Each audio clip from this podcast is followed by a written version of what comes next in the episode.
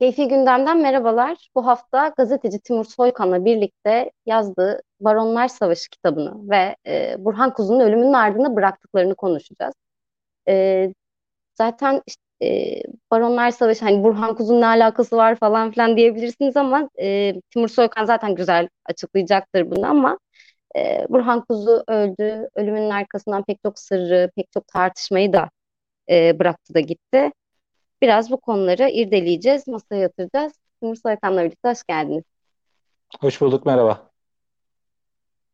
Öncelikle kitabınızdan başlamak istiyorum. Gerçekten çok zahmetli, çok e, büyük bir araştırma. E, ve Zindaşti kimdir? Baronlar kimdir? Zindaşti olayı nedir? Biraz e, böyle bir girizgah yapalım istiyorum. Şöyle oluyor, aslında Türkiye e, uyuşturucu ticaretinde e, çok önemli bir e, güzergah. Yani Afganistan'da eroinin yüzde doksanı üretiliyor yani dünyaya dağıtılan eroinin. E, bu e, yüzde doksan eroinin e, en büyük pazarı da Avrupa ve genellikle İran, o, o Afganistan'dan sonra İran, oradan Türkiye, oradan ya Türkiye'den Balkanlar ve oradan e, Avrupa ülkelerine dağılıyor. E, Türkiye'de çok kilit bir noktada durduğu için e, genellikle e, Türkiye merkezli baronlar e, bu ticareti yönetiyorlar. E, ve aslında bu çok uzun yıllar yani aslında bir narkoz Türkiye gerçeği söz konusuyken e, çok uzun yıllardır e, hak ettiği ölçüde konuşulmayan, hep yeraltı dünyasının karanlıklarında yok olmuş olan e, bir e, gerçek. Ve bu gerçek e, hep böyle çok ketum olan o yeraltı dünyasında e, gizlice yaşanırken 2014 yılında Yunanistan'da 2.1 ton eroin yakalanıyor. Bu Nur 1 isimli bir gemiyle Yunanistan'a getirilen bir uyuşturucu. Bu uyuşturucu yakalandıktan sonra e, yani 2.1 ton eroin yakalandıktan sonra bu eroinin sahibi olduğu iddia edilen yani Amerika'nın uyuşturucuyla mücadele birimlerinin olsun, Avrupa polisinin e, olsun raporlarında bu uyuşturucunun sahipleri olarak e, iddia edilen Türkiye merkezli e, baronlar arasında bir savaş başlıyor. E, bahsettiğim bu raporlardaki iddialara göre uyuşturucunun bir kısmı e, İran asıllı ama 25 yıldır Türkiye'de yaşayan o dönem e, Naci Zarifi Zindaşti'ye ait.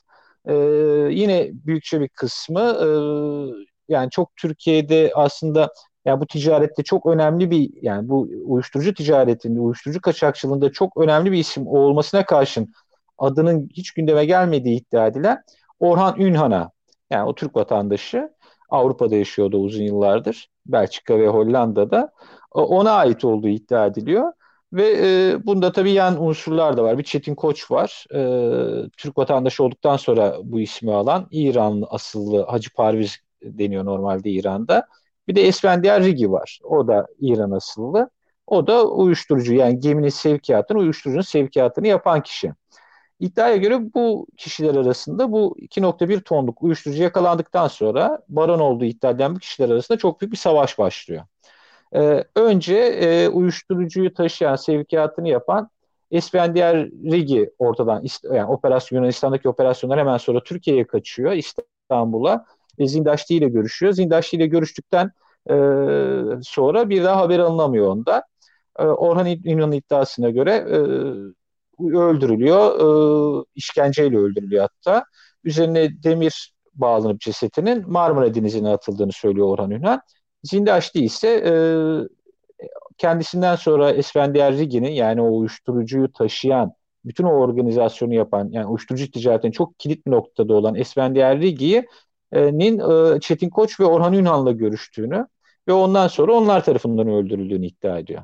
Ama bir gerçek var artık yani bu uyuşturucu ticaretinin çok önemli bir isim olan e, bu bahsettiğim Rigi e, bir daha yok olmuş oluyor, ortadan kalkmış oluyor. Şöyle de bir detay vereyim bu daha açıklayıcı olması için. E, Zindaşti, bahsettiğim Esfendiyar Rigi ve Çetin Koç aslında çocukluk arkadaşı. Hepsi İran'da e, yaşıyorlar. Türkiye sınırındaki Urmiye kentinde, Hakkari sınırında Urmiye kentinde yaşıyorlar.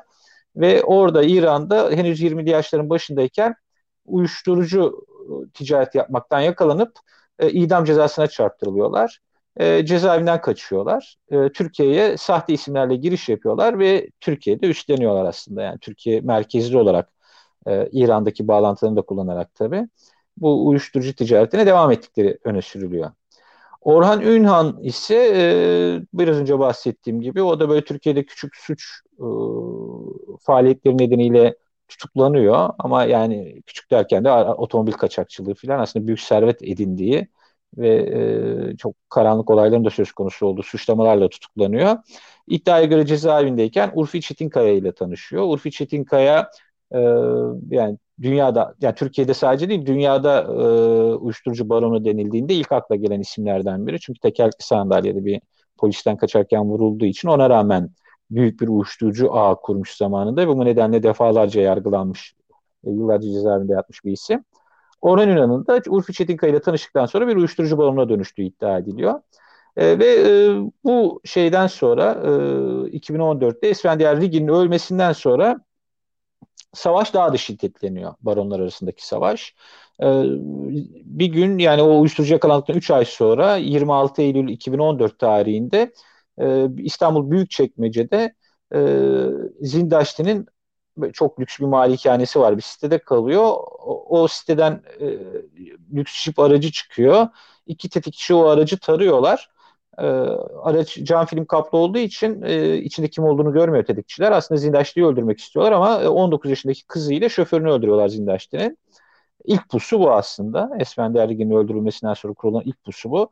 Ona 3 ay sonra e, Orhan Ünhan'ın adamı olduğu iddia edilen iki kişi e, İstanbul Küçükçekmece'de öldürülüyor. Bir balıkçı lokantasında. O da çok karanlık bir cinayet. İkisi de başından vuruluyorlar. İkisinde de silah olmasına rağmen silahlarına davranmıyorlar. Öldürdükleri yerin kameraları nedense çalışmıyor. E, aslında yani bilerek de biraz karanlıkta bırakılan bir cinayet. Ondan bir süre sonra Çetin Koç bahsettiğim Çetin Koç uyuşturucunun e, yani o Nur 1'deki uyuşturucunun önemli ortaklarından biri olduğu iddia edilen Çetin Koç e, Dubai'de çok böyle yüksek güvenlikli bir gökdelende kalıyor. Orada evi var. Zaten çok lüks bir yaşam sürüyor Dubai'de. E, ve Dubai'de çok sayıda evi var filan. Onu o çok yüksek e, güvenlikli e, gökdelende öldürüyorlar susturucu takılmış yani susturucu takılmış silahlarla öldürülüyorlar. Onu öldüren iki tane Kanadalı tetikçi. O Kanadalı tetikçiler e, cinayetten hemen sonra Abu Dhabi Havalimanı'na kaçıyorlar. Oradan uçağa biniyorlar, kurtuluyorlar yani.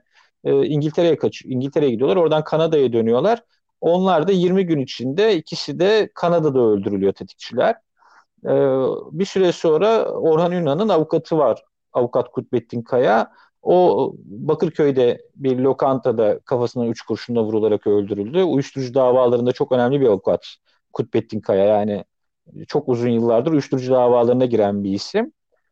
Kutbettin Kaya öldürülüyor. Kutbettin Kaya'dan sonra Çetin Koç'un e, Dubai'de öldürülen Çetin Koç'un kardeşi Tahran'da öldürülüyor. Kaçırılıyor. Bir araçla kaçırılıyor. Kendi aracıyla kaçırılıyor hatta. O öldürülüyor kaçırıldıktan sonra. E, en sonunda e, 7 Nisan 2019'da Orhan Ünhan'ın e, kardeşi aynı zamanda işte Zindaşti'nin aracına yönelik saldırıyı ya- yapmaktan iki ağırlaştırılmış müebbetle yargılanan gıyabında e, aslında hakkında arama kararları olmasına rağmen hiçbir türlü yakalanmayan aslında çok ciddi bir koruma altında olduğu anlaşılan İlhan Ünhan İstanbul Bağdat Caddesi'nde yine kafasındaki kurşunla vurularak bir tetikçi tarafından öldürüldü. Şimdi bu cinayetler ilk akla gelenler aslında. Yani e, çok kanlı bir savaş olduğunu anlatmak ve not düşmek için. Yani olayın boyutlarını, Baronlar Savaşı'ndaki olayın boyutlarını özetlemek için bunları anlattım. Bu olaylar aslında yani bu çatışmalar hep dava süreçlerine dönüşüyor. Bu cinayetler, bu saldırılar. Şöyle oluyor. İlk o Zindaşlı'nın kızı öldükten sonra Zindaşlı polise verdiği ifadede diyor ki bu 2.1 ton uyuşturucuyu benim ihbar ettiğimi düşündü Orhan Ünhan'la Çetin Koç. Beni de tehdit ettiler. Öldüreceklerini söylediler beni. Bu yönde bana mesaj da gönderdiler. Ee, kızımı öldürenler, yani kızım ve şoförümü öldürenler e, Orhan Ünhan ve Çetin Koç'tur diyor. Orhan Ünhan o sırada Belçika'da yaşıyor. Belçika'da yakalanıyor Avrupa polisi tarafından ve Türkiye'ye iade ediliyor. Ee, ve Türkiye'de 4 yıl tutuklu yargılandı Orhan Ünhan ve o tutuklu yargılandıktan sonra da beraat etti. Yani bütün aslında bu süreçteki pek çok cinayet gibi yani bu Baronlar Savaşı'ndaki pek çok cinayet gibi o 19 yaşındaki kız çocuğunun ve 24 yaşındaki o şoförü genç delikanlının öldüğü olayda e, faili meçhul cinayetler olarak kaldı. Ama bu yargılama sırasında e, Orhan Ünal'la Zindaş'ta sürekli, sürekli birbirlerini suçladılar. Birbirlerine dair e, soruşturmalar açtırdılar. E, birbirlerini e, suçladılar. Birbirleri hakkında belgeler verdiler. E, ve birbirlerinin devlet içinde kendilerine yardım eden e, bürokratları deşifre etmek için hamleler yaptılar. Ve kitapta aslında Baronlar Savaşı kitabı da tamamen belgelere yani resmi belgelere e, giren e, ve resmi belgelerden oluşan bu bilgiler çerçevesinde şekillenmiş. İçinde çok çok skandallar barıtan, barınan, barındıran. E, çünkü şeyi de yani devletle ilişkileri de çok fazla. E, polis, kirli polisler söz konusu, yargıda rüşvet iddiaları söz konusu, siyasiler söz konusu. E, ve benim de bu nedenle ikinci susurluk yani mafya, siyaset, e, devlet üçgeni içerisinde gerçekleştiği, gerçekleştiği için e, ikinci susurluk olarak nitelediğim e, bir çalışma, bir kitap. E, siz Türkiye için Avrupa'nın Meksikası diyorsunuz aslında bu e, evet. uyuşturucu ticaretiyle ilgili. Yani yoğun bir ticaretin, çok büyük paraların döndüğünü de aynı şekilde kitabınızda kitabınızda bunlardan bahsediyorsunuz. E, ve şimdi de söylediniz devletle bağları, bu bağlantılar Hı. hani e, nasıl kuruyorlar bu bağları? Yani çok büyük bir ticaret var ortada ve burada da korunuyorlar. İşte Zindaşti'nin tahliyesi zaten Burhan Kuzu'yla Zindaşti'nin arasındaki mevzu oradan çıkıyor. Tahliyesi için yargıya baskı yapmasıyla beraber. E, peki bu devletle bağları ne boyutta? Nasıl kuruyorlar bu bağları? Ya aslında şöyle bir gerçek var. Yani biraz önce dediğiniz gibi Türkiye gerçekten de Avrupa'nın Meksikası. Yani Amerika için Meksika neyse Avrupa için de Türkiye, e, Meksika ve 5 yıllık e, Avrupa Birliği polisinin raporlarına göre Türkiye'ye e, yani bir yılda e, bu uyuşturucudan 5 milyar dolar gibi bir para kalıyor. Şimdi bu çok yüksek bir para gerçekten yani e, ve düşününüz kayıt dışı ve çok karanlık bir para ama 5 milyar dolar çok çok büyük bir para yani. Ve bu bunun çok daha fazla olduğunu iddia edenler de var. Yani çünkü e, ne kadarı yakalanıyor, ne kadarı yakalanmadan geçiyor. Çünkü, çünkü biliyoruz ki yakalananlar ki Türkiye en fazla uyuşturucu yakalanan Avrupa ülkesi yani Avrupa'daki herhangi bir Avrupa Birliği ülkesi yani tüm Avrupa Birliği ülkelerini toplayın bir yılda orada yakalanan uyuşturucunun 3 katından fazlası her yıl Türkiye'de yakalanıyor. Ama işte ne kadarı gidiyor? Ve onu da tam bilinmediği için 5 milyar dolar diye bir tahmin yürütülüyor ama bunun çok çok daha fazla olduğunu gerçekten iddia edenler var ve anlaşılabilir. Şimdi iki tane iddia var. Bir tanesi yani başka bir iddia çok kapsamlı ve çok yaygın bir iddia. Hatta genel bir genel bir kanaat olduğu söylenebilir. Ee, deniyor ki yani bu ticaret bu kadar büyük bir para devlet kontrolünden çıkmaz. Yani devlet kontrolündedir bu diye bir teori üretiliyor ve bu çok mantıksız da bir şey değil. Yani devletlerin aslında bu uyuşturucu ticaretine müdahale ettikleri, buradaki aktörleri belirledikleri, e, göz yumdukları e, şeklinde iddialar her zaman var. Ama bunu bir delillendirmek, bir belgelemek mümkün olmadığı için bunu böyle bir tespit olarak asla söylemiyorum. Yani bu bir iddia. Yani sadece bir e, rivayet bile diyebiliriz buna. Ama çok yaygın bir rivayet. E, şimdi devlet ilişkini nasıl kuruyorlar e, konusuna gelince e, genelde rüşvetle kuruyorlar. Yani çünkü e, o kadar büyük para söz konusu ki ve bu baron dediğimiz kişiler de çok böyle lüks hayatlar sürüyorlar. Yani çok e, gösterişli hayatlar sürüyorlar. Örneğin Zindaş diye bir e, tanıyan anlatıyor. Yani böyle Bodrum'da örneğin bir şeye gittiğini, Bodrum'daki bir kulüp işletmecisi bu. Ger geldiğinde işte diyor 10 bin lira locaya 20 bin e, lira verirdi. E, garsonlara 100'er euro dağıtırdı diyor. Örneğin şeyde e, büyük, büyük, hemen büyük rezidanslarda çok sayıda dairesi var. E, bir malikanede yaşıyor. Sürekli lüks araçlar kullanıyor. Yani servetlerini hiç gizlemiyorlar. E, ve bu kimi zaman kendileri devlet bürokrasisiyle, polislerle, şunlarla bunlarla e, temas kurarak e, oraya menfaat sağlamak şeklinde bu ilişkiyi geliştiriyorlar. İddialar o yönde. E, kimi zaman da bu servetten, bu yasa dışı servetten e, nemalanmak isteyen e, devlet içindeki e, gücünü bunun için kullanan insanlar söz konusu. Onlar temas kuruyorlar direkt şeylerle, uyuşturucu baronlarıyla. E, bunun çok örnekleri var. Yani eskiden de bu böyleydi aslında. Yani Türkiye'de bu kadar karanlıklar olduğu için yani e, bu 90'larda 80'lerde bile e, devlet içinde böyle bir yani temas kurdukları biliniyor. Ama bu kitabı incelerken yaptığım ana tespit şu. Yani bu o kadar e, artık büyük bir boyuta gelmiş ki, o kadar e, kapsamı genişlemiş ki eskiden e, örneğin uyuşturucu baronları veya işte bu yeraltı dünyasının den işte yargıdan, bürokrasiden e, kişileri kendilerine bağlarlardı. O ilişkileri yaratırlardı.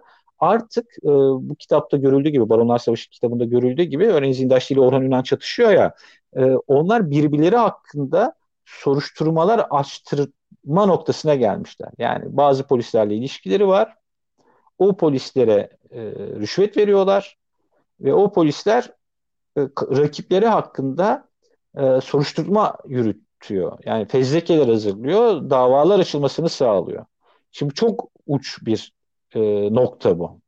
Yani artık çok büyük bir güç. Yani izindaşlı hakkındaki iddianame çok kısa süre önce tamamlandı. Ee, bir ay, bir buçuk ay, iki ay oldu. O iddianamede beş tane polis e, sanık Zindaşlı hakkındaki iddianamede. Beş polisten üçü Orhan Ünal hakkında soruşturma yürüten e, ve Zindaşlı'dan rüşvet aldığı iddia edilen polisler.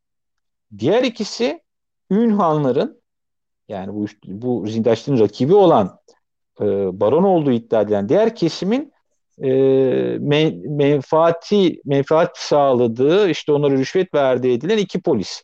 Yani beş polis var iddianamede. Üçü Zindaş tarafında, ikisi Yunan tarafında ve iki, iki tarafta birbirleri hakkında soruşturma yapmış. Ve birbirlerini hatta suçluyorlar bu polislerde. Diyorlar ki işte onlar Zindaşlı'dan rüşvet aldı. Ötekiler diyor ki Ünvanlardan rüşvet aldı filan. Ama tabii bunlar sadece görünenler. Olayın şöyle bir boyutu var. Buran Kuzey'e gelmeden önce anlatmak gerekiyor. Ee, polisler hakkındaki şeyi. Ya bu çok korkunç ilişki ağları bunlar. Yani e, şöyle düşünün. E, birincisi devletten çok büyük bir sızıntı var. Orhan Yunan biraz önce bahsettim ya Zindaş'ın kızının öldürülmesi davasında tutuklu yargılanıyor 4 yıl boyunca. O 4 yıl boyunca e, Orhan Yunan'ın talebiyle mahkemede e, Zindaşlı hakkındaki e, soruşturma dosyasını İstanbul Cumhuriyet Başsavcılığından istiyor. Diyor ki ya bu Zindaşlı hakkında bir soruşturma varmış. E, biz de bu cinayet olayı bununla birebir ilgili hatta bu cinayete tetikçi olduğu iddia edilen ve öldürülen kişilerle ilgili de orada bir dosya varmış. Yani bu dosyanın Zindaşlı dosyasının içinde. Onu mahkememize gönderin. Biz bu inceleyelim ona göre burada hüküm vereceğiz diyor. Ama savcılıkta haklı olarak bir anlamda ya diyor bu soruşturma gizli. Ben sana bu dosyayı gönderemem diyor. Ama o soruşturma da yıllarca bitmiyor. Yani o dört yıl sürüyor ya da o dört yıl boyunca o soruşturma devam ediyor. Yani ne gözaltı oluyor ne yakalanan oluyor falan o dosyada gelmiyor. Bir gün Orhan Ünal duruşmaya geliyor ve diyor ki alın size gizli soruşturma dosyaları. Ve mahkemeye binlerce belge sunuyor. Ve o belgelerin hepsi gizli aslında. Yani o belgeler savcılıkta olan belgeler. Yani elinizde bulunması suç olan belgeler onlar. Ve onları mahkemede sunarak ve diyor ki 7 bin belge var bende 7 bin sayfa ve ailemin elinde bu belgeler diyor. Yani oradaki sızıntının boyutunu anlamak açısından çok önemli. Aynı zamanda Zindaşlı diyor ki bu benim hakkımdaki soruşturma belgelerini bana satmak istediler diyor. Kendisinin de bu belgeleri aldığını söylüyor. Yani sızıntının boyutunu algılamak için söylüyorum. Sonra yıllar sonra anlattığım gibi İlhan Ünhan öldürülüyor. Orhan Ünhan'ın kardeşi.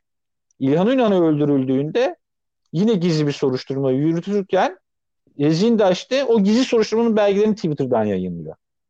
Yani devletin gizli belgeleri çok kolay bir şekilde görüyoruz ki e, sanık olan, e, bu konuda suçlanan kişilerin ellerinde. İkincisi ve daha önemlisi İlhan Yunan öldürüldüğünde telefonu açılıyor polis tarafından. Ve telefonunda iki tane polisle e, WhatsApp mesajları bulunuyor. Çok soyuda WhatsApp mesajı var polislerle. Ve bu polisler para istiyorlar e, iddiaya göre. Yani o WhatsApp mesajları zaten dava dosyasında yani şüphelenecek bir durum yok yani. Kişiler de o polisler de kabul ediyorlar kendilerinin yazıştıklarını ama bilgi almak için diyorlar. İşte e, çeşitli mazeretlerle e, aslında o suç örgütüyle ilişkilerinin e, polislikle alakalı olduğunu iddia ediyorlar. Ama yani öyle şeyler var ki örneğin bir cinayet planı yapılıyor.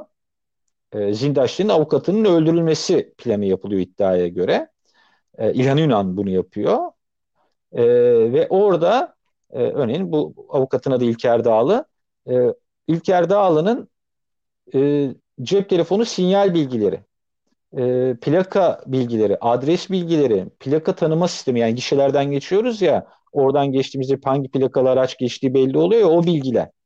Ve bunları e, emekli bir polis reis, içeriden hala emniyetin kapalı sorgu sistemlerinde kullanarak yani içeride demek ki birileri de var ona yardım eden o emniyetin kapalı sistemlerinden bunları sorgulayarak e, baro, yani o suç örgütü lideri olduğu iddia edilen kişiye veriyor.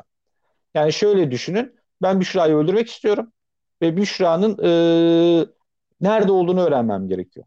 Ve bana poliste olan o emniyetin kapalı sistemlerinde olan e, bilgi veriliyor. Diyor ki cep telefonundan şu an şu adreste deniyor. Ve bunun daha çok versiyonları var. Yani bu şu sonucu doğuruyor. Hiçbirimiz güvende değiliz. Yani bizim, çünkü bütün hepimizin cep telefonu var ve sinyal bilgilerinden her an yerimiz belli. Ve bunlar satılıyorsa biz kendimizi nasıl güvende hissedebiliriz? Şimdi bu düzeye gelmiş ilişkiler. Bu noktaya gelmiş. Ama asıl tabii ki e, daha büyük iddialar e, bu suç örgütü liderlerinin e, e, emniyetin olsun, yargının olsun çok üst düzeyinde e, bunlar ama belgelerde ziyade e, ifadelere dayanıyor. Yani devlete verilmiş ifadeler çerçevesinde bunu söylüyorum. E, o polisler müdürleriyle yargıdaki yönetici me, mevkiindeki kişilerle bu baronların temasları olduğuna yönelik iddialar gündeme geliyor. Ama burada simgeleşmiş olan isim Burhan Kuzu. Yani Burhan Kuzu e, bu konuda deşifre olan bir isim aslında. Tam anlamıyla deşifre olan bir isim ve büyük büyük bir skandalla de, deşifre olan evet. bir isim. Yani yargıya baskı yapmak e, yani işte Zindaşti'nin tahliyesi için ve kendisini de şu şekilde savunuyordu Kuzu. Yani adam ben e, uyuşturucu baronuyum demiyor ki niye bununla yargılansın gibi. İşte bu şekilde bir ama Burhan Kuzu bu olayda yani işte polislerden bahsettiğiniz çok acayip yerlere girip yani gizli dosyaları mahkemeye sunabilen insanlardan bahsediyoruz. Bir şekilde ellerine geçiyor. Burhan Kuzu'nun dediğiniz gibi sadece deşifre olan kısmı Burhan Kuzu belli yani. Yalnız olmasa gerek. Ya ben açıkçası yalnız olmadığını düşünüyorum. Çünkü şöyle e, bakın yani Zindaşti'nin tahliyesi e, bu ülkenin e, tarihinin gelmiş geçmiş en büyük skandallarından biri. Yani akıl alır gibi bir olay değil. Yani e, Zindaşti biraz önce bahsettiğim ya o belgeler sunuluyor. E, Orhan Yunan duruşmada belgeler sunuyor. Gizli belgeleri sunuyor. Artık soruşturma evrağı deşifre olunca o belgeler sunulduktan çok kısa süre sonra operasyon yapılıyor. Ve malikanesinde gözaltına alınıyor. Adam birkaç adamı ile birlikte. Ve e, 20 gün o zaman o hal koşulları var. 15 Temmuz darbe girişimi nedeniyle o, o hal koşulları devam ediyor. 20 gün gözaltında kaldıktan sonra adliyeye sevk ediliyor. Bakın Fezlekesi'nde çok fazla suçlama var. Yani Fezlekesi'nde uyuşturucu kaçakçılığından e, işte FETÖ bağlantısı gibi e, iddialara kadar giden e, yani çok sayıda suçun olduğu bir fezleke ile e, adliyeye sevk ediliyor. Biraz önce anlattığım cinayetlerden bir Çetin Koç cinayetinden tutuklanıyor. O, bu da tartışmalı bir e, hukuki bir tartışma doğuracak bir şey. Çünkü Dubai'de işlenmiş e, bir cinayetin e, Türkiye'de soruşturulup soruşturulamayacağı konusunda hukuki bir tartışma söz konusu. Aynı zamanda e, bir İran vatandaşı öldürüldü. E, İranlı aynı zamanda İngiliz bakan, vatandaşı Gem TV'nin sahibi Kerimiyan İstanbul Maslak'ta e, 2017'de Nisan 2017'de öldürüldü. E, o cinayetten suçlanıyor. Şimdi o cinayetler de aslında iki İranlı'nın öldürülmesiyle de suçlanıyor e, Zindaşlı. Yani hatta İran Gizli Devleti birlikte e, bu noktada hareket ettiği iddiası var. Çünkü öldürülenler İran e, İran rejimine muhalif isimler. Neyse bunlardan tutuklanıyor. Yani o iki cinayet ve bir e, suç örgütü liderliğinden tutuklanıyor. E, ve sonra 6 ay sonra bu acayip bir kararla serbest kalıyor. Yani akıl alır gibi bir karar değil. E, bu kararla serbest kaldı. Tabii hepimiz şok olduk. Yani nasıl olur? Yani 6 ay sonra Zindaş nasıl tahliye olabilir diye şok olduk. E, o tabii ki bunu bırakan hakim e, ne çevrildi bütün gözler. O hakimin de e, işte ilk Fatih Altaylı ortaya çıkarttı. Burhan Kuzu'nun kendisine baskı yaptığını, sürekli aradığını filan söyledi. Burhan Kuzu önce inkar etti. Ben bu Zindaş'ı hiç tanımam dedi. Sonra işte fotoğrafları ortaya çıktı. Bir kere görüştüm dedi. HTS kayıtları ortaya çıktı. Defalarca görüşmüş, mesajlaşmış.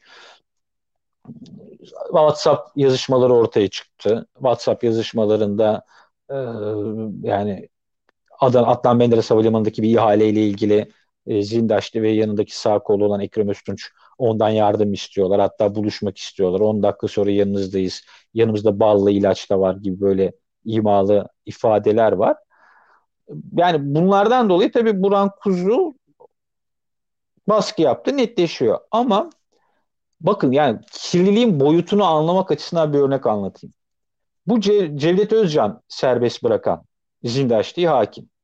Bu hakimin ifadesi alınıyor HSK müteahhit. Yani Hakimler ve Savcılar Kurulu bu Zindaşlı'nın tahliyesinden sonra da bu Cevdet Özcan'a niye bıraktın diye bir soruşturma açıyorlar. Bu kapsamda ifadesini alıyorlar.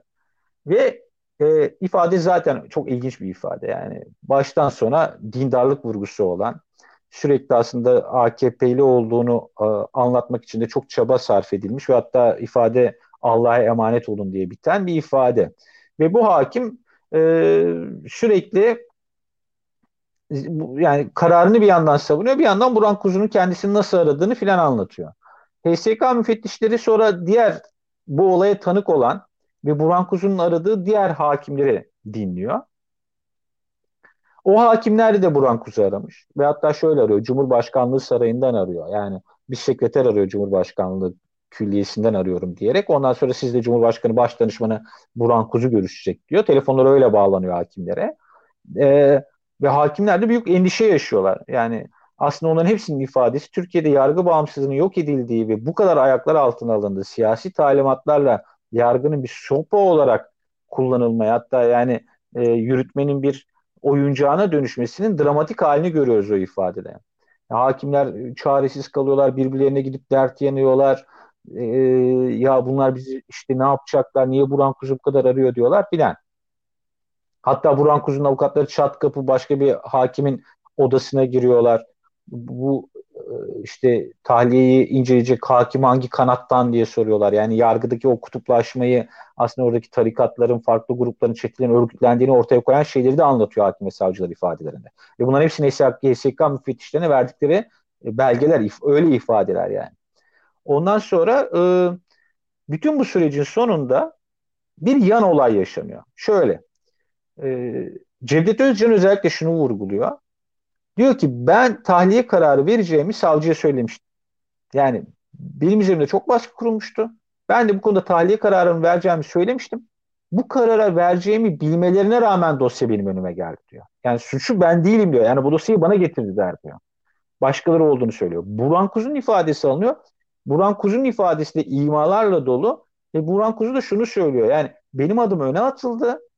Gerçek durum gölgelenmek için yani bu olaydaki gerçekler benim adım öne çıkartarak bu olaydaki gerçekler gizlenmeye çalışılıyor gibi ifadeler veriyor. Şimdi bunların hepsi belki Burhan Kuzu yaşıyor olsaydı hala anlatabilirdi diye düşünebileceğimiz şeyler.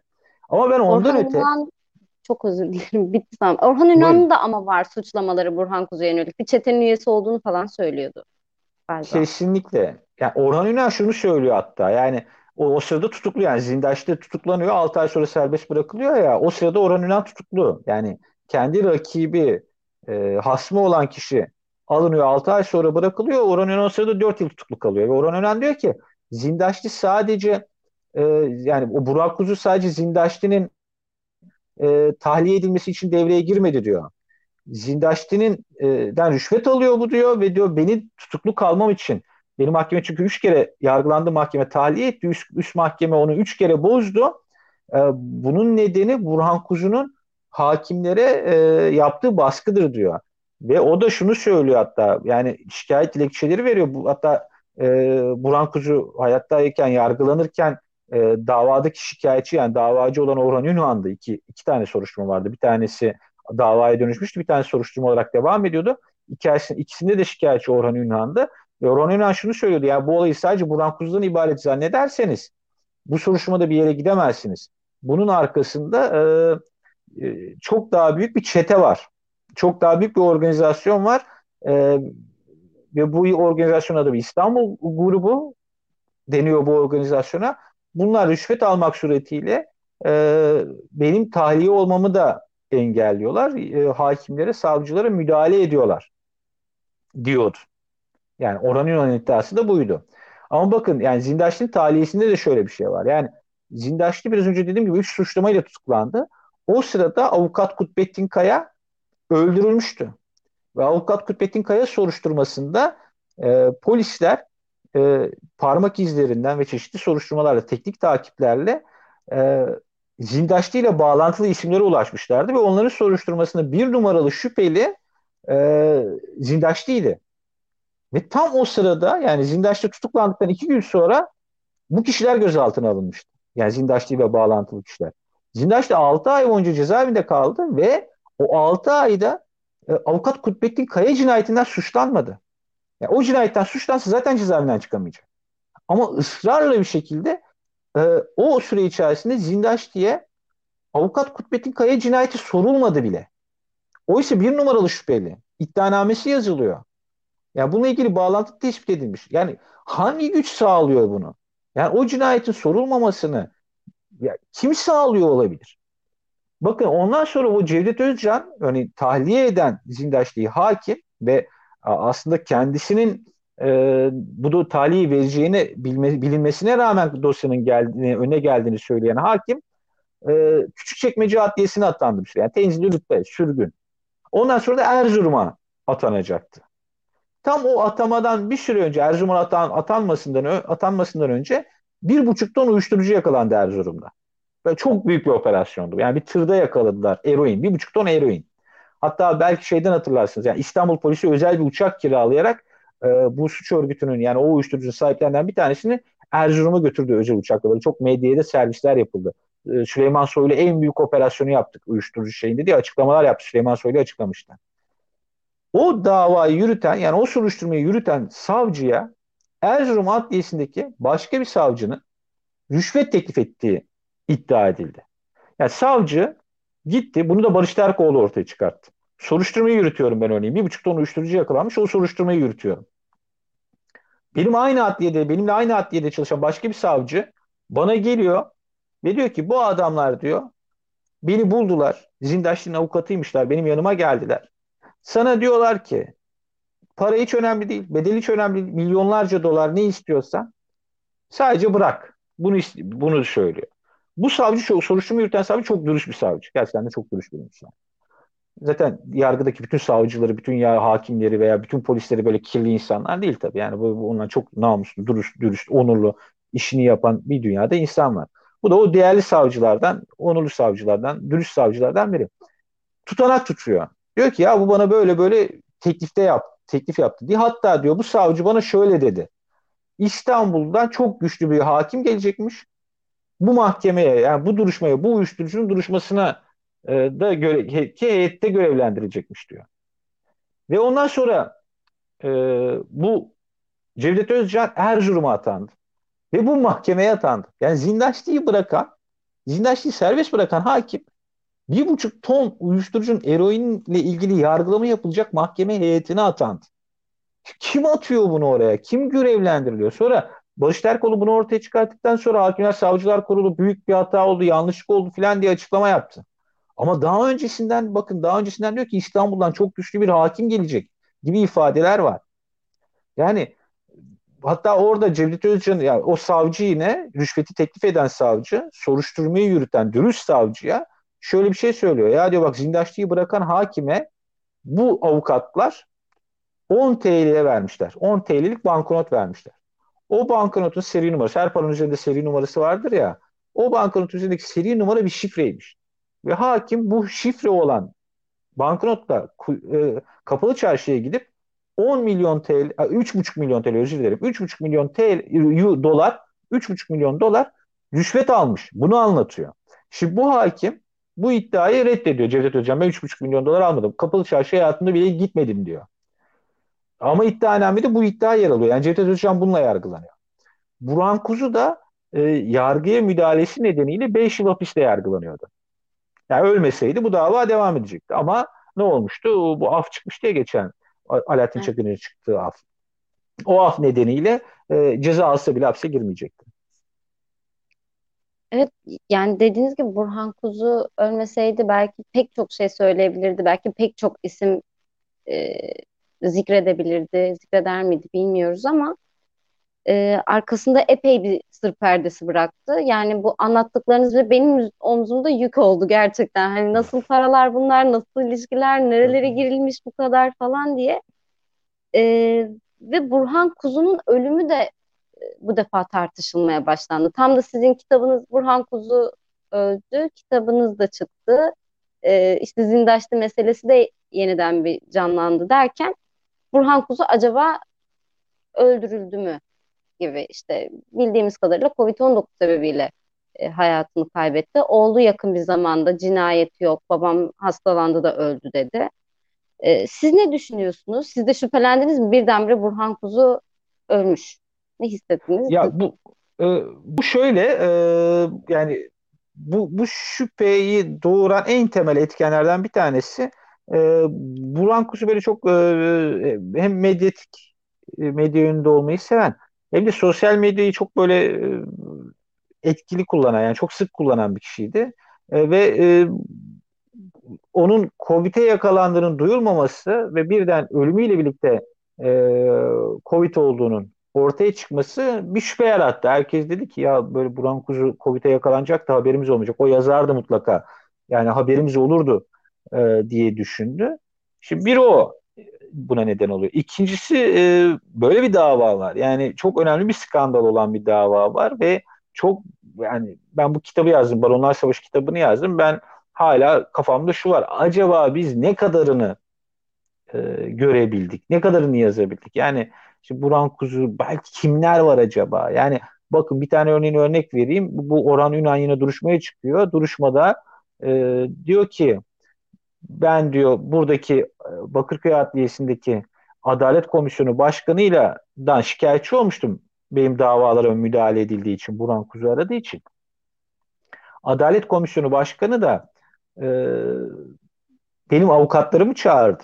Avukatlarımla, iki avukatımla da ayrı ayrı görüştü. Ve onun söylediklerini size aktaracağım diye duruşmada konuşmaya başlıyor. Sanırım 21 Haziran 2000 19 olması lazım. Yani İlhan Yunan kardeşi öldürüldükten e, işte kısa süre sonra 3 ay sonra çok öfkeli konuşuyor duruşmayı ve Sekbis'te kaydedin bunu diyor. Diyor ki o Adalet Komisyonu Başkanı bana her şeyi anlat. Bakırköy Adliyesi'nde diyor şu şu şu isimler diyor. İstanbul grubunun mensubu. Yani savcıların isimlerini sayıyor. HSK'dan isimler söylüyor. İddiaya göre. Bütün bunlar iddia. Ee, ve diyor ki e, yani on milyonlarca dolar rüşvetler gitti diyor. Hatta ortam dinlemesinde bazı savcılar dinlendi diyor. Duruşma savcısına inanılmaz ağır sözler söylüyor. Ve ondan sonra ne oluyor biliyor musunuz? Sekmişte kaydedildi ya duruşma. Deniyor ki ses sistemi arızalandı, hiçbir şey kaydedilemedi deniyor. Ve e, Ünal ertesi duruşmada bilirkişi raporu sunuyor. Diyor ki siz sekmis kaydını üzerine program yükleyerek sildiniz diye. E, benim sözlerimi yok etmeye çalışıyorsunuz. Hakkında suç durusunda da bulunamıyorsunuz.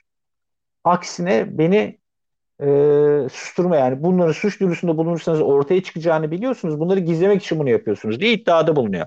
Ve ellerinde kendi o duruşmanın ses kayıtlarının olduğunu da söylüyor. E, ve bu ses kayıtlarının içeriğinde de e, gördüm yani. E, şey olarak iddia olarak biliyorum yani. E, yani bunu düşünebiliyor musunuz? Yani duruşmada duruşma savcısına bir şey söyleseniz yani serbest olsanız bile yani bir daha zor yani çıkarsınız yani. Tutuklu kalırsınız bayağı yani. Hatta ben bu dosyayı incelerken onu hep düşündüm ya. Biz gazeteciler o kadar kolay tutukluyorlar ki biz işte gazeteci arkadaşlarımızın dosyalarını da incelediğimiz için hiçbir şey olmadan, hiçbir delili olmadan sadece niyet okunarak bir tane bile delili olmadan saçma sapan metinlerle bizim arkadaşlarımız yıllarca hapiste kalıyor gazeteci arkadaşlarımız. Burada görüyorsunuz yani Zindaş'ta 6 ayda çıktığı gibi bir yandan da neler neler oluyor duruşmalarda ama yaptırımı olmuyor. Ve hatta o duruşma tutanağı da var benim elimde. Duruşma tutanağı böyle sadece time kodlar var. Orhan Ünlem konuşmaya başladı şu saatte, şu saatte konuşma bitti diyor ve en sonunda da tutanağın sonunda karar bölümünde ses kayıtlarının, görüntü kayıtlarının incelenip suç duyurusunda bulunup bulunmayacağına karar vereceği anlatılıyor. Ve sonra geliyor ki ses kayıtları kaydedilmemiş. Ee, yani nasıl oluyorsa kaydedilmemiş. Yani teknik arızaymış. Ben biliyorum duruşmalardan bir ses kaydı alınamadığı zaman hemen duruşmada anlaşılır, duruşmaya ara verilir, ses kaydı, e, ses sistemi kontrolleri onarılır filan. Yani şimdi bunun gibi dünya kadar şaibe var. Yani bu bile baş başına Adalet Bakanlığı araştırıp incelemesi gereken çok çok önemli bir şey olduğunu düşünüyorum. Ama gel gelin görün ki e, yani bunlar araştırılmadığı gibi yani bu ya biz ne kadarını biliyoruz işte. Yani orada dile getirilenler, oradaki iddialar, oradaki isimler yani Burhan Kuzu elbette konuşabilirdi. Yani şimdi bütün bu şaibeleri topladığımızda e, tabii ki böyle kilit bir davada da e, sanık olduğunda akla bu şüpheler geliyor. Ama bir meslektaşım yani çok da güvendiğim bir meslektaşımdan da aldığım bir bilgi var. Ee, biz ben de Covid-19 olduğunu öldüğüyle ölmesiyle birlikte öğrendim. Ama o arkadaşımın dediği şu 2-3 e, gün öncesinden e, kendisine e, Covid-19 olduğu ve yoğun bakımda olduğu, durumunun iyiye gitmediği Burhan Kuzu'nun söylenmiş. Ama o sırada çok böyle yoğun bir gündemde o daha yazılamadan da vefat haberi gelmiş. Öldüğünü öğrenmiş. Hatta bana da mesajlarını falan da gösterdi. Danışmanıyla yazışıyor. Yani Covid ama burası Türkiye. yani burası Türkiye olduğu için her zaman aklımızda her şeyle ilgili soru işaretli kalıyor ama ben büyük olasılıkla ve oğlunun açıklamaları da var.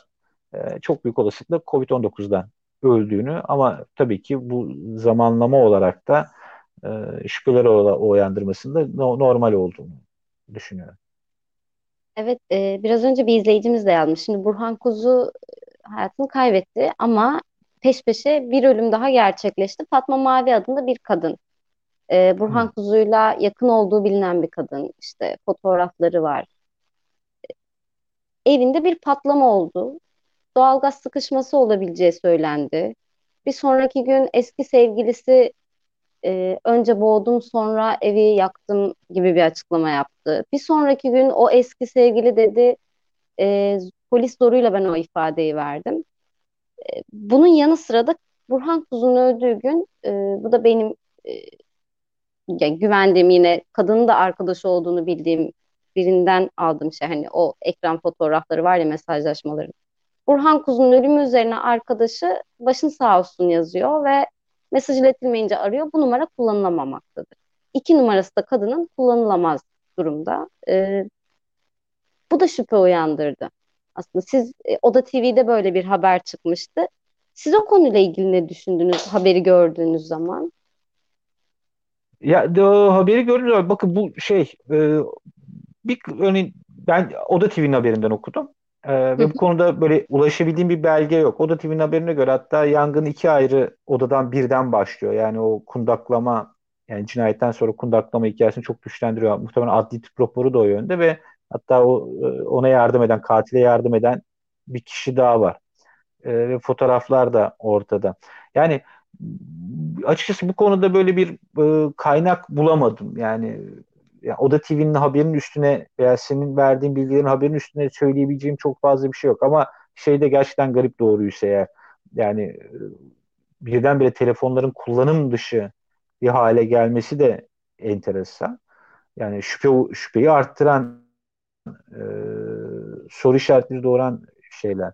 Ama tabii çok karanlık bir dünya yani Burhan Kuzu'nun o karanlık dünyaya pek çok e, yerinden e, bulaştığı da bir gerçek. Örneğin Ali Uzun diye bir karakter var e, AKP'nin Beşiktaş ilçe teşkilatında çalışan bir kişi. O örneğin e, o da çok böyle farklı iddialarla gündeme gelmiş bir isim.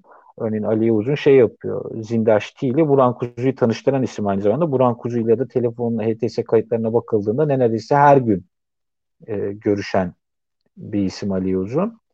Yani Zindaş'ta onunla tanışma hikayelerini falan anlatıyor. Oraları da çok karanlıkta. Böyle Zorlu Center'da misafirleri var kitapta da yer alıyor Zindaş'ın o ifadesi. O Zorlu Center'daki dairesine e, misafirlerine e, kadın getirtmesi için biriyle anlaşıyor.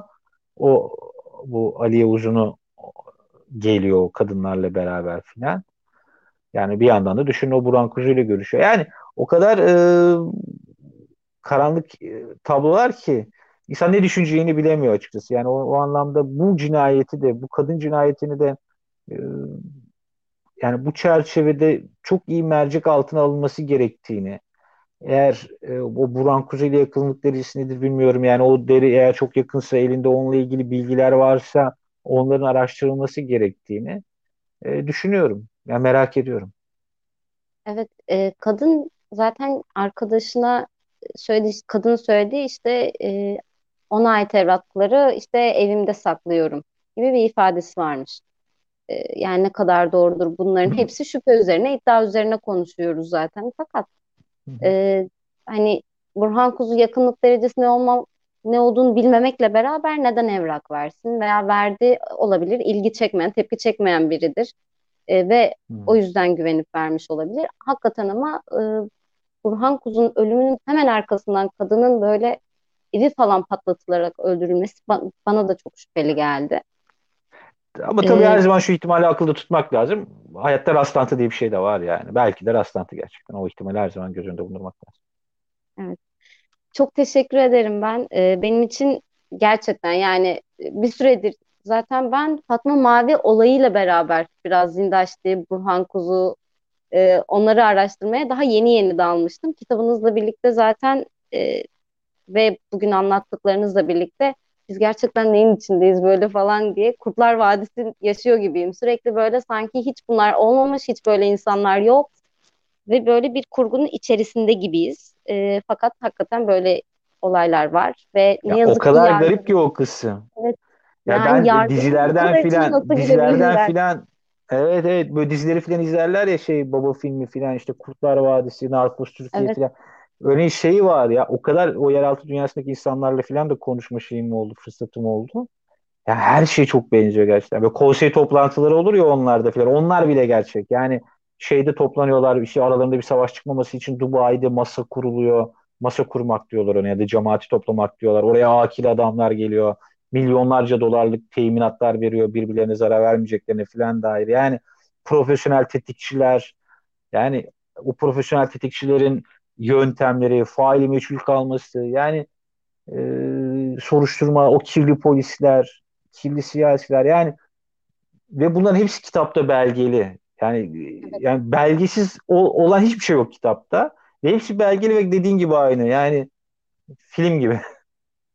Ya ben en çok şeye takıldım zaten ve o sahne gözümün önüne geliyor gibi. İşte mahkemede çok gizli dava dosyasını çıkarıp dava dosyası evet. burada. Diğeri de diyor ki bana da satacaklardı zaten. Evet yani evet. Çok ilginç öyle. geldi bana. Siz hiç korkmadınız mı? Yani bu insanlara bulaşmasam mı acaba gibi bir düşünceniz ya olmadı mı? Ya şöyle yani bu kitapta ben şeye çok özen gösterdim açıkçası. Yani e, bir hepsi belgeli. Yani devlet evet. kaydına girmiş gerçekler. Yani iddialar daha doğrusu. Ve yanıt hakkına çok özen gösterdim. Yani örneğin e, ve yeraltı dünyasında şöyle bir gerçek var. Yani bu olayları incelerken de onu gördüm. Ben polisiye romanlar yazıyorum aynı zamanda. Polisiye meraklı biriyim. E, yani katil kim vardır ya böyle polisiyelerde merak edersiniz şey yaparsınız filan. Bu o romanlar içinde çok ideal bir dünya gerçekten. Çünkü şu yani bu, bu dünyada bir roman yazmak ideal anlamda söylüyorum bunu. Çünkü çok fazla suç var. Çok fazla suçlu potansiyeli olan insanlar var. Çok fazla para var. Ee, çok e, karmaşık ilişkiler var. Ve bir cinayet ya da bir olay olduğunda tek aktör üzerinde yani birkaç kişi üzerinde pek çok olay da birleşebiliyor. Ve o, burada gerçeği bulmak o anlamda da zor oluyor. Yani örneğin bir tanesi örneğin Zindaşti intikamı diye düşünüyorsunuz bir olayı. Bir araştırıyorsunuz bambaşka bir şey çıkıyor o sırada. Çünkü başka bir suçla ilişkililer, başka bir cinayetin peşindeler, başka bir tetikçi onların peşinde. Yani çok hepsi birden her olayda, her cinayette birden fazla veya çok fazla olasılık oluyor. Onun için hani bir olayı incelediğinizde kitapta da onu ben kitapta bir hüküm vermek bizim işimiz değil. Yani biz mahkeme değiliz. İşte aha da gerçek bu diyeceğimiz e, bir misyonumuz yok. Onun için kitapta hep şeye özen gösterdim. Yani e, iddialar ve resmi belgelerde var olan iddialar ve yanıt hakları. Yani bu iddiaya karşı taraflar ne diyor? Suçlanan kişi ne diyor? Onları peşi sıra yazdım her zaman. Ee, ve mümkün olduğunca e, yani bizim kendimiz için yapabileceğimiz bir şey yok zaten. Yani bizim yapabileceğimiz tek şey e, gazetecilik etiğine e, basın meslek ilkelerine ve vicdanımıza ve her zaman e, halka gerçekleri ulaştırmak amacına e, hizmet etmek. Yani onun dışında e, yani yapılabilecek bir şey yok. Yani korksanız da, tereddüt etseniz de, şey yapsanız da yani ama işte bir de tabii şey korkusu oluyor çok fazla. Yani bu dünyada herkes çok kirli. Yani o anla bakın kirli polisler, kirli yargı görevlileri diyorlar ki şey, yani gazetecilerle ilgili de iddialar var dosyada. Yani bazı basın mensuplarını onların e, yönlendirdikleri e, yönünde de iddialar var. İşte ondan da korkuyorsam bir iftiraya maruz kalır mıyım? Öteki beni ötekinin tarafı zanneder mi? Onun için biriyle konuşuyorsunuz 30 kere her seferinde bakın ben sizin aleyhinizdeki şeyleri de yazacağım. Ben sadece gazetecilik motivasyonu olan bir insanım. Benim yani aleyhinizdeki şeyleri yazdığımda iddialı sizin yanıt hakkınızı da yer vereceğim. Ama bakın bu sadece gerçekleri araştıran bir kitap diye sürekli vurgulama ihtiyacı hissediyorsunuz. Çünkü incelediğiniz dosyada çok korkunç şeyler görüyorsunuz. Yani o tedirginlikler oluyor tabii.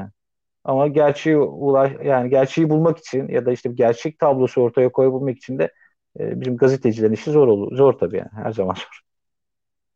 Evet ama sürekli de insan merak edip o motivasyonu yeniden sağlayabilir galiba. Yani daha ne varmış, ne, daha evet. ne varmış. E, tabii, sürekli ama öyle e, o öyle zaten kitap normalde 250 sayfada bitirecektim. Onun için 400 sayfayı geçti. Yani çünkü o olay ona bağlıyor, o olay ona bağlıyor filan. Eksik bırakmıyorum. İnsanlar bunu da öğrensin işte. Aman bu da çok önemli olabilir. Bu sonra belki başka bir şeyle bağlanıyor. Ama ben şunu söylüyorum yani bu kitapta yani çok fazla gerçek var. Yani bu kitapta çok önemli olaylar var. Birden fazla skandal var. Daha önce ülkenin gündemine gelmemiş skandallar var bu kitapta. Ve hala buzdağının görünen yüzü bu kitap diye düşünüyorum. Yani evet, bu yaşayacaktır. Belki yani çok daha fazla olay vardır. Yani çok daha iyi fazla isim vardır. Yani bizim böyle öğrenebildiklerimiz şu an bunlar. Çünkü bu savaş çıktı ve o dava dosyaları açıldı. Evraklar ortaya saçıldı. Yani o baronların savaşı çıkmasaydı biz bunları da öğrenmeyecektik. Evet. Ya bir yandan da polisiye romanlarınız için de sizin için iyi bir kaynak olmuştur artık. Yani sürekli evet, hani evet, hayal evet. gücünüzün sınırlarını zorlamıştır diye tahmin ediyorum hatta.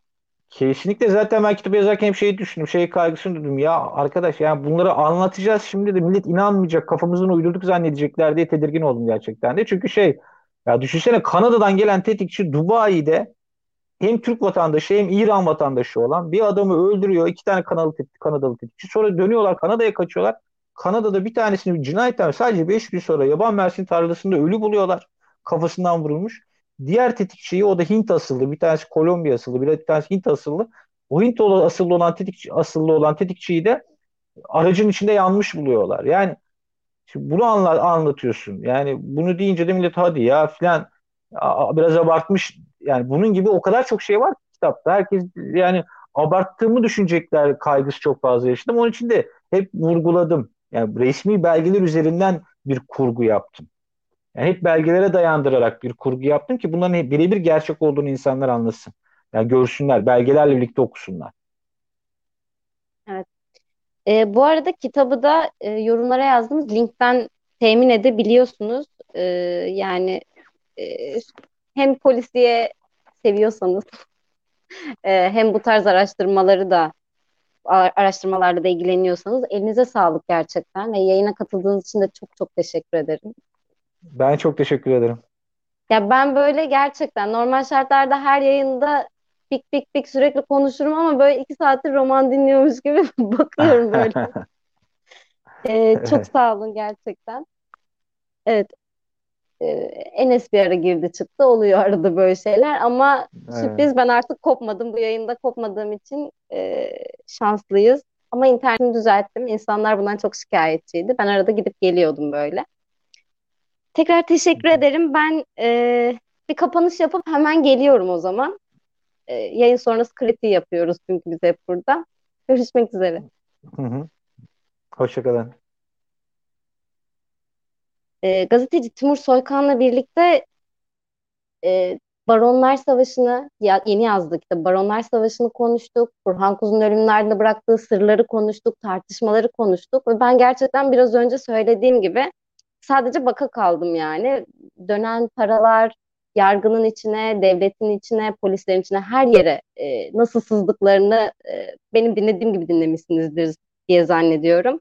E, Timur Soykan'a eserinden dolayı da teşekkür ediyorum aslında ve dediği gibi muhtemelen önümüzdeki yıllarda çok daha belki e, farklı isimler, farklı olaylarla karşılaşacağız. Buzdağının görünen yüzü gibi görünüyor hakikaten. Bizi izlediğiniz için teşekkür ederiz. Bir sonraki keyifli gündemde görüşmek üzere. Hoşçakalın.